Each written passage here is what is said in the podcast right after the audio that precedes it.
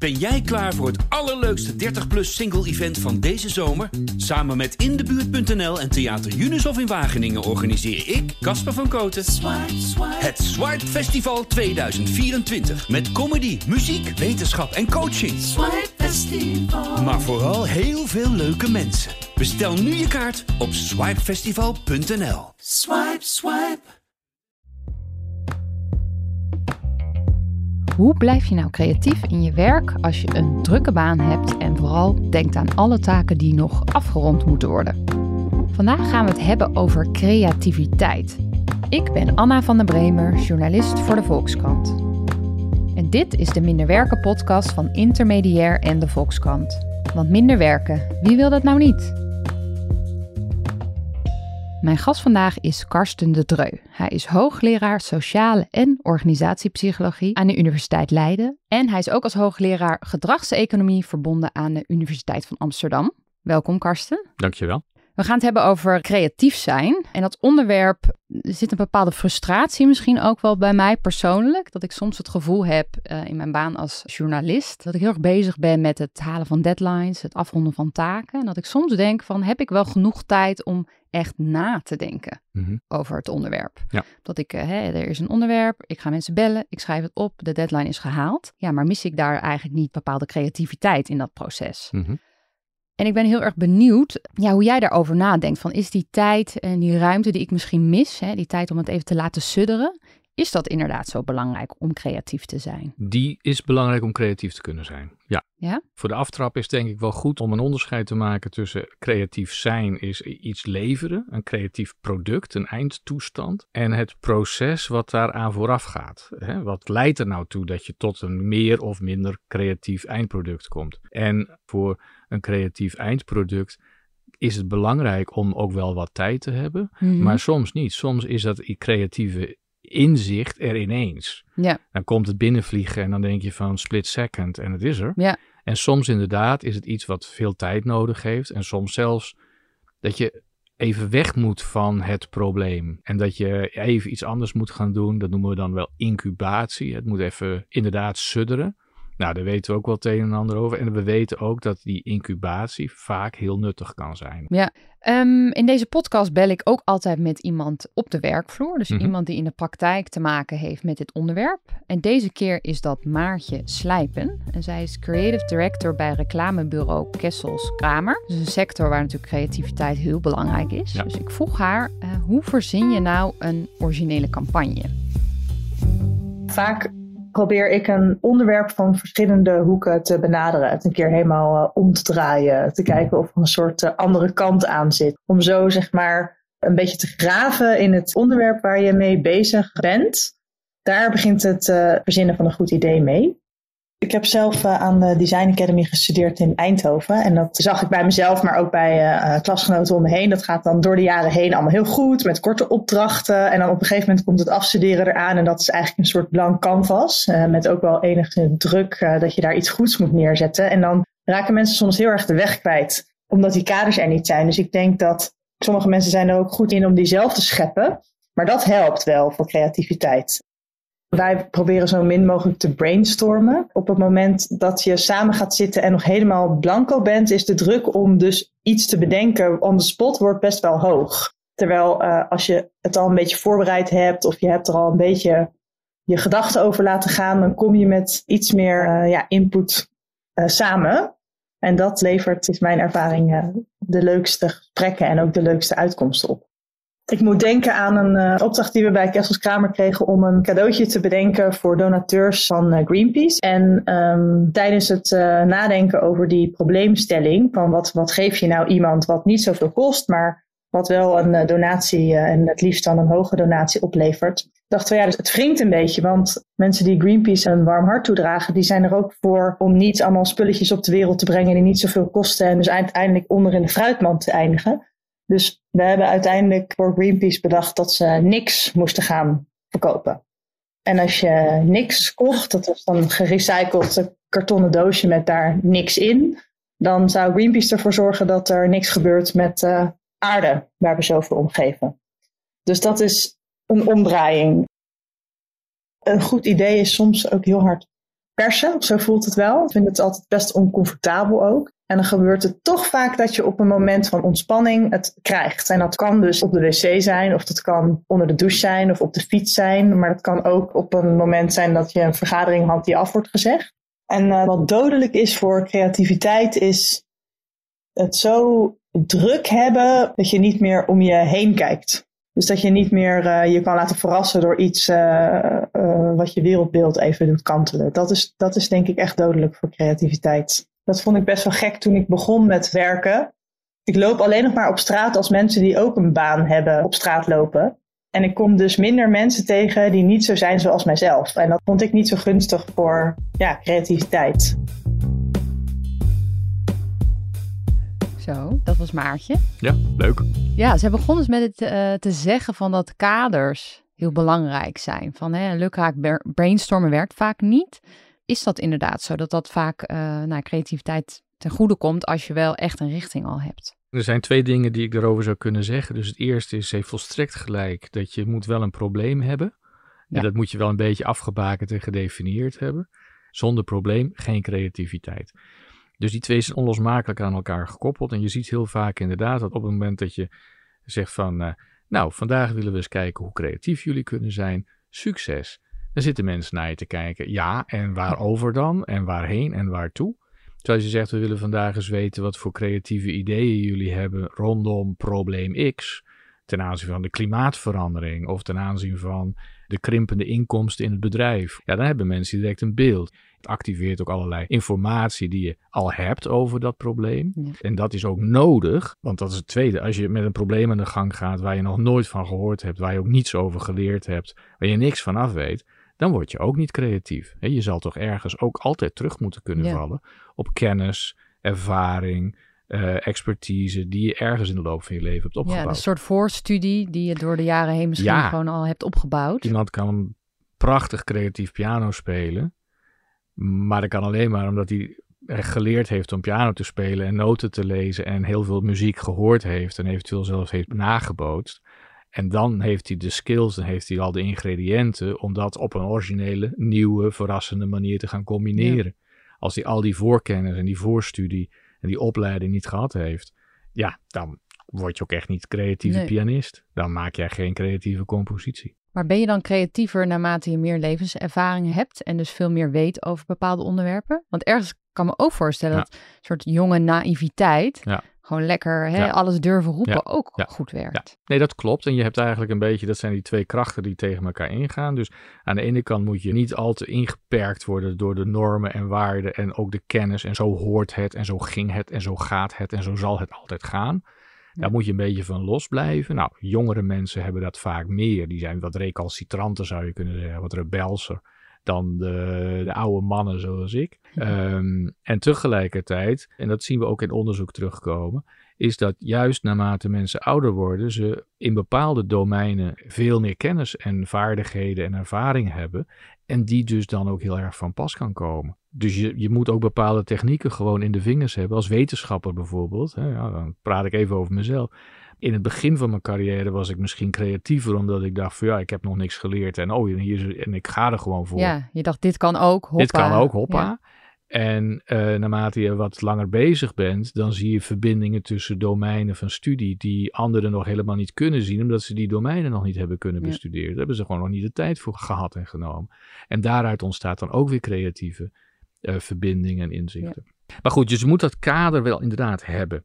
En het tweede wat ze zegt, dat wat ik wel interessant vind, zegt van ja, ik ben niet zo van het brainstormen. En dat kan ik alleen maar onderschrijven. Dus wat je heel vaak ziet, is dat eh, in organisaties bijvoorbeeld, of een vriendenclub die een originele reis willen bedenken, noem het maar, die zeggen van nou, we gaan nu met z'n allen brainstormen. En dan kan er best iets, eh, iets komen waar ze van tevoren niet aan gedacht hadden. En zeggen ze, oh kijk, dat werkt.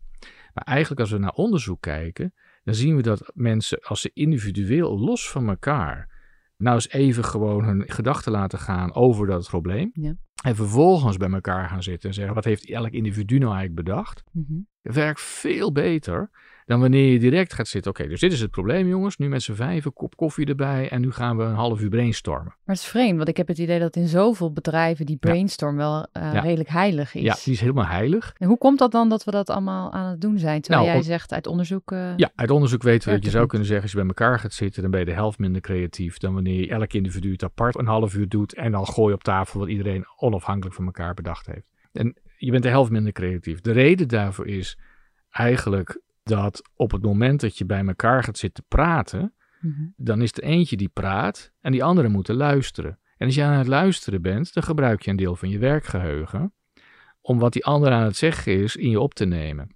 En dat werkgeheugen is beperkt. Dus je kan op dat moment niet wat je zelf bedenkt daar ook nog in proppen. Bovendien moet je wachten tot die ouwe nou eens een keer is uitgepraat voordat jij jouw idee naar voren kan brengen. Zolang te veel dingen tegelijk aan het Je moet het allemaal in je hoofd houden. En, en als je in je eentje zit en je schrijft zeg maar dingen op, dan is het uit je systeem. En dan kan je naar de volgende, de volgende, de volgende. En dan kun je eigenlijk veel langer doorgaan met associëren en nadenken. En in, in een klein groepje brainstormen van zeg twee. Ja, met z'n twee, met z'n twee is dan wel weer heel goed. Omdat je dan eigenlijk relatief weinig tijd verliest met naar elkaar luisteren. Hè, totdat je een keer aan de beurt bent. En tegelijkertijd, als je met z'n tweeën bent en je weet allebei echt veel verschillende dingen, dus je bent echt verschillend in expertise en opleiding en, en inzichten, dan kan je elkaar enorm stimuleren. Dus eigenlijk ideaal is dat je zegt van we gaan als individu eerst maar eens even onafhankelijk nadenken over het probleem wat we hebben. Vervolgens gaan we in duo's praten en elkaar verder inspireren. En vervolgens gaan we wat daar uit die duo's komt, eventueel met anderen delen nog weer. En kijken wat dan het beste is wat we bedacht hebben. Ja. Dus op die manier zou je het kunnen opstapelen. Ja. Maar hoe komt het dan dat we toch nog zo erg geloven in die groepsbrainstormen met post-its uh, werken? Ja. hoe komt nou dat? Ja, eigenlijk misschien een beetje hetzelfde als dat verhaal van onder de douche krijg je de beste ideeën. Als je in een groepje een goed idee krijgt, dan lukt natuurlijk echt wel. Je krijgt echt wel ook daar een origineel idee, maar het duurt veel langer en heel vaak is het van mindere kwaliteit dan als je het maar individueel gaat. Maar nog steeds is er, bij je al een stap gezet. En dan denk je, oh, het is ons gelukt. Zie je wel dat brainstormen werkt. Ja, we vergelijken onszelf nooit met de situatie waarin we het niet in een groepje hadden gedaan, maar los van elkaar. Nou, dat kan je in onderzoek natuurlijk mooi vergelijken. En dan zie je pas het verschil.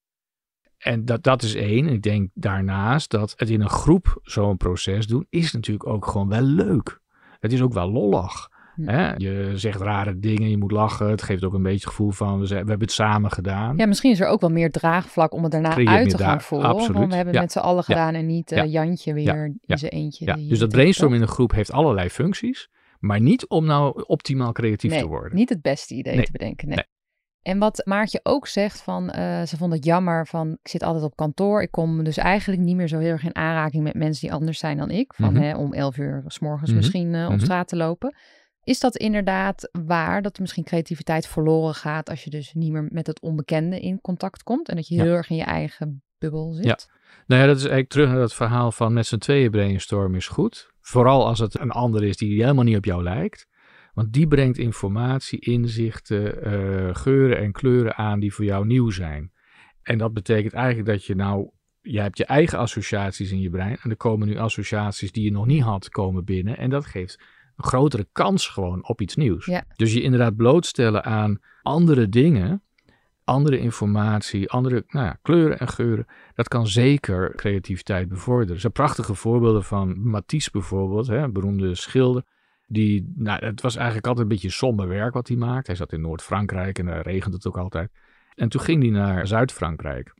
En daar werd hij geconfronteerd met allerlei nieuwe kleuren. Hè? De, de mediterrane kleuren en de zon en de luchten, et cetera. En dat gaf hem ineens een enorme boost. En daardoor werd hij ineens ook creatiever in zijn schilderijen. En dat was ook echt een doorbraak. Hoe wij hem nu kennen. En dat is hoe wij hem nu kennen. Dat is het werk wat we nu kennen. Ja, ja, precies. Dus dat zou eigenlijk, als je dit uh, onthoudt, van als je gaat brainstormen binnen je bedrijf, mhm. kies dan de collega die het minst op jou lijkt. En dus niet degene misschien waar je het meest dik mee bent, om het even zo te Nee, dus als je een ICT-probleem hebt en je zegt van, nou, nu gaan we even met de afdeling ICT brainstormen over hoe we het moeten oplossen, dan kan je het net zo goed één ICT'er vragen, want ze zijn allemaal uitwisselbaar. Ze kennen allemaal precies hetzelfde, ze weten, gebruiken dezelfde software technieken enzovoort. Ja.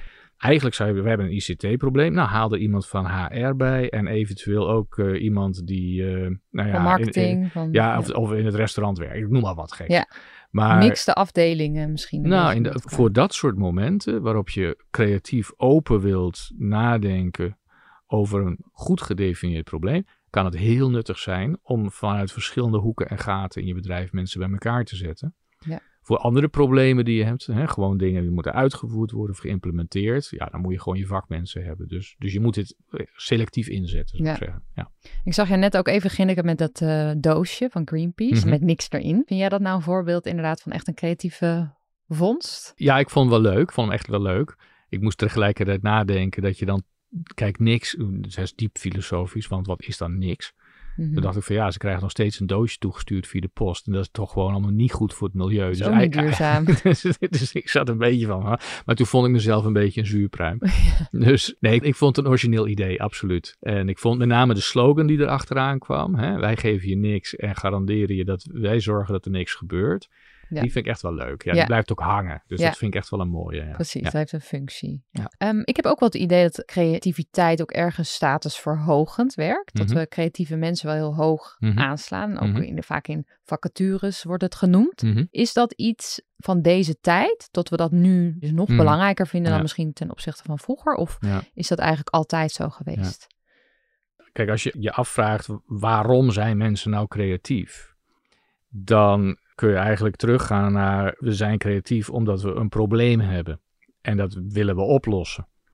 En op het moment dat we dat goed weten op te lossen, met een nieuwe creatieve idee, inzicht, technieken enzovoort, ja, dan hebben we een bijdrage geleverd, niet alleen aan je eigen welzijn en overlevingskansen, maar ook aan dat van de mensen om je heen, hè, je nageslacht eh, Mhm. enzovoort. Dus creatief zijn heeft een zekere functie in, in de biologie en ook in de evolutie. Ja. Omdat het een respons is, een antwoord is op Ja. bedreigingen waar je mee geconfronteerd werd in het verleden. Dat is één, dus het is heel nuttig. Nou, dat kan een eigen leven gaan leiden natuurlijk. En je ziet ook dat het op een gegeven moment statusverhogend gaat werken, al heel vroeg in de geschiedenis. Waar mensen die creatief konden zijn, beeldjes gingen maken of eh, schilderijen of enzovoort, die hadden blijkbaar tijd en ruimte en energie over. Nou, in een tijd waarin het heel schaars is, voedsel is er niet zoveel, je hebt niet zoveel vet op de botten. En dan in plaats van dat je gaat jagen en graan verbouwen en koeien melken en weet ik wat allemaal, ga jij zitten en schilderij Dat maken. een teken van luxe. is een teken van luxe. En dat maakt ook weer iemand aantrekkelijk. Hè? Dan denk je, Ja. oh, dat is iemand die, kan wat, heeft goed voor elkaar. Ja, Daar wil ja. ik in de buurt blijven. Of dat wil ik ook, want zo wil ik ook worden. Hoe doet hij dat precies? En ik denk dat dat nog steeds ook wel een beetje meecijpelt in het idee tegenwoordig dat iemand heel creatief is. Ja, dat is aantrekkelijk. Dat maakt iemand tot een potentieel waardevolle medewerker of, eh, of Ja. een interessante partner. Of, Ja, eh, nu jij dit zo noemt, denk ik ook waar we mee begonnen. Mijn frustratie is misschien dat ik dan ook persoonlijk meer dat verlangen heb.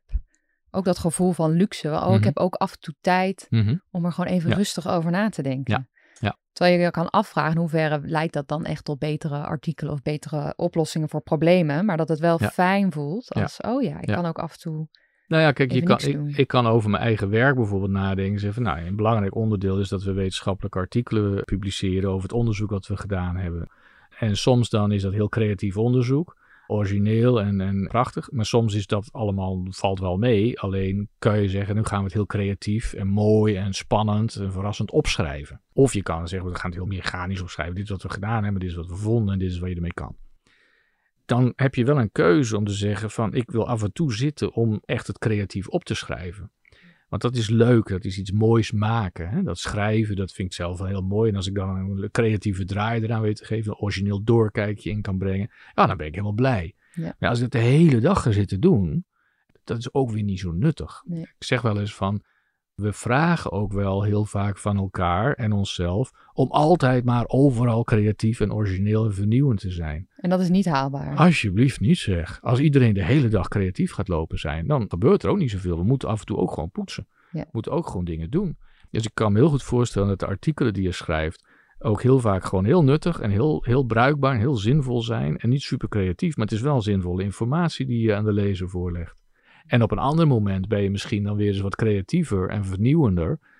Maar als je dat de hele dag altijd maar bent, dan, word je, dan worden je lezers ook doodmoe. Dus je Ja. moet elke keer weer schakelen. Ja. Niet doen. Ja, stop. Nee, dat moet je niet willen. En in hoeverre ja, is de ene persoon creatiever dan de ander? Ik bedoel, is dat ook een soort van aanleg of hoe je geboren wordt? Of is dat iets wat je ook echt wel kan aanleren? Ehm, aangeboren sowieso niet. Je zou kunnen zeggen, de meeste mensen worden geboren met een functionerend stel hersenen en zijn in staat om nieuwe informatie tot zich te nemen en ergens te onthouden, om skills aan te leren. En dat zijn eigenlijk de basisingrediënten die je nodig hebt om creatief te reageren op bedreigingen in je omgeving. Hè? Dus die basis, uh, die, die hebben wij eigenlijk allemaal wel. Vervolgens is leren, ontwikkelen, kennis opdoen, ervaringen, uh, dingen uitproberen.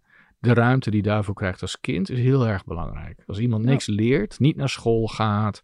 Hè, Einstein, een zeer creatieve wetenschapper, heeft gezegd: het slechtste voor de creativiteit is naar school gaan. Nou, dat ben ik niet, zoiets zei hij in die trant. Mm dat, dat ben ik in elk geval niet met hem eens. Naar school gaan, dingen leren, dingen oefenen, dingen uitproberen. Op je snuffert gaan, opstaan, weer doorgaan. Dat is ontzettend belangrijk om later in je leven creatief te kunnen zijn. Um, en je zegt ook de ruimte krijgen in je jeugd. Tuurlijk. Van in, in hoeverre je ook misschien los van uh, nou ja, het strikte schoolsysteem. Ja, ja nou ja, je moet de ruimte krijgen. En dat kan binnen school zijn dat je wiskunde leert. En dat je de ruimte krijgt om fouten te maken. En dat je snapt wat je fout deed. Want daar leer je gewoon beter van. Uh, misschien ook de ruimte krijgt om eens wat te experimenteren. Het leren moet wel plaatsvinden in een, laten we zeggen, veilige omgeving. Hè? Zodra je een fout maakt en je krijgt met de karwats, ja, dat is niet echt behulpzaam. Nee. Individuele verschillen zijn er natuurlijk. Sommige mensen zijn wat introverter, andere mensen zijn wat extraverter. Nou, de extraverte persoon die praat misschien wat makkelijker, voelt zich meer op zijn gemak bij andere mensen en zou misschien wel beter gedijen in een, in een groepsbrainstorm. Terwijl een introvert persoon misschien juist extra goed tot zijn recht komt wanneer hij apart, weg van de sociale context, eens even op het probleem kan focussen. Dus de methode, hoe kom je nou tot originele ingeving, dat verschilt misschien ook welke persoon je bent. nou, en dat is eigenlijk het punt. Ik denk dat we heel vaak, als we kijken naar creatieve producten, eindproducten, dan zien we heel weinig verschillen tussen een bepaald soort mensen. Als we kijken hoe ze tot die producten komen, hè, de verschillende paden die ze zouden kunnen lopen om daaruit te komen, dan zien we wel verschillen. Ja. Dus de dus manier zelfkennis is eigenlijk wel belangrijk. Van nou, jezelf te weten, hoe kom ik nou in zo'n nou ideale staat om tot een idee te komen. Hè, dus ik ben iemand die, als ik dan creatiever word, moet mijn bureau leeg zijn. En dan is het leeg en dan is het ruim, schoon allemaal en dan begin ik. En voor iemand anders, die kan juist pas echt creatief gaan worden op het moment dat één grote puinzooi is op zijn bureau. En uh, met, met rottende boterhammen onder stapels papieren, weet ik het. Ja. En, waarom is dat bij jou belangrijk dat het dan schoon en, uh, en leeg is? Ja, dat, dat is een hele goede vraag. Kan ik alleen maar over speculeren. Ik denk dat ik dan, uh, als, het, als mijn omgeving opgeruimd is, misschien het gevoel heb dat mijn hoofd ook opgeruimd is. Dat ik met iets nieuws aan de gang ga, dat ik het ga invullen, dat ik nu ga maken misschien ook dat je geen prikkels van buitenaf, rommeltjes ziet eh, in je ooghoek. Denkt, oh god, die, moet ik, uh, die papieren moet ik nog uitzoeken. Ja, ik kan misschien op dat moment echt naar de interne prikkels. En uh, die in mijn eigen hoofd zitten. En misschien iemand die dus een, enorme puinhoop heeft. Die heeft juist die externe prikkels. En dan ziet hij een artikel en dan ziet hij nog een speeltje liggen. En dat prikkelt. En dat geeft misschien wel juist die flow of die ruimte. Daarin kunnen mensen enorm verschillen. En kan zelfkennis, natuurlijk heel zinvol zijn. Dat je op een gegeven moment van jezelf hebt geleerd van, oh, voor mij werkt het om een grote wandeling te maken. Voor iemand anders werkt het om gewoon met een paar collega's over de voetbalwedstrijd te praten. Ja. En als je dat van jezelf natuurlijk een beetje ontdekt en daarmee kunt spelen, daar wat invloed op kunt uitoefenen, op het moment dat je creatief moet zijn, dat je denkt van ja, mij ligt nu deze strategie. En dat iemand anders een andere strategie moet hij helemaal zelf weten. Maar ik ga het nu even op mijn manier doen, want dat werkt het best. Ja, dat je niet ook laat leiden door de ideeën die bestaan over hoe, uh, ja. nou ja, hoe je creatief moet zijn. Als iedereen die creatief wil zijn denkt dat hij nu een boswandeling moet gaan maken, dan is het hele bedrijf leeg en loopt iedereen door het bos. En dat wil niet zeggen dat het dan echt heel creatief Want voor sommige mensen werkt dat uitstekend. En voor andere mensen is dat juist gewoon helemaal niet goed. Voor die mensen is het juist, en daar hoor ik dan bij, je moet gewoon zitten, computer aan, teksten aanzetten en gewoon lezen. Wat had ik ook alweer gedaan? Oh ja, daar was ik. En oh ja, dit was het probleem. Hm, hm, hm. Ik moet dan gewoon geconcentreerd aan. Ik moet helemaal geen boswandeling maken. Nou, je moet je van gewoon achter je laptop concentratie. Ja. Nou, dat lijkt me een mooie afronding van uh, deze podcast. Karsten, dankjewel uh, voor je komst. Graag gedaan. Dit was de Minder Werken podcast voor deze maand. Volgende keer gaan we het hebben over hoe belangrijk de werkcultuur is die heerst binnen een bedrijf. En hoe die werkcultuur schadelijk kan zijn voor de mentale gezondheid als je bijvoorbeeld het gevoel hebt dat je altijd moet aanstaan voor je baas. Vond je dit nou een leuke podcast? Dan horen we dat graag. Geef het door en laat een recensie achter in de podcast-app, zodat andere mensen ons goed kunnen vinden. Bedankt voor het luisteren. Ben jij klaar voor het allerleukste 30-plus single-event van deze zomer? Samen met Indebuurt.nl en Theater Junus in Wageningen organiseer ik, Casper van Koten, het Swipe Festival 2024. Met comedy, muziek, wetenschap en coaching. Maar vooral heel veel leuke mensen. Bestel nu je kaart op swipefestival.nl. Swipe, swipe.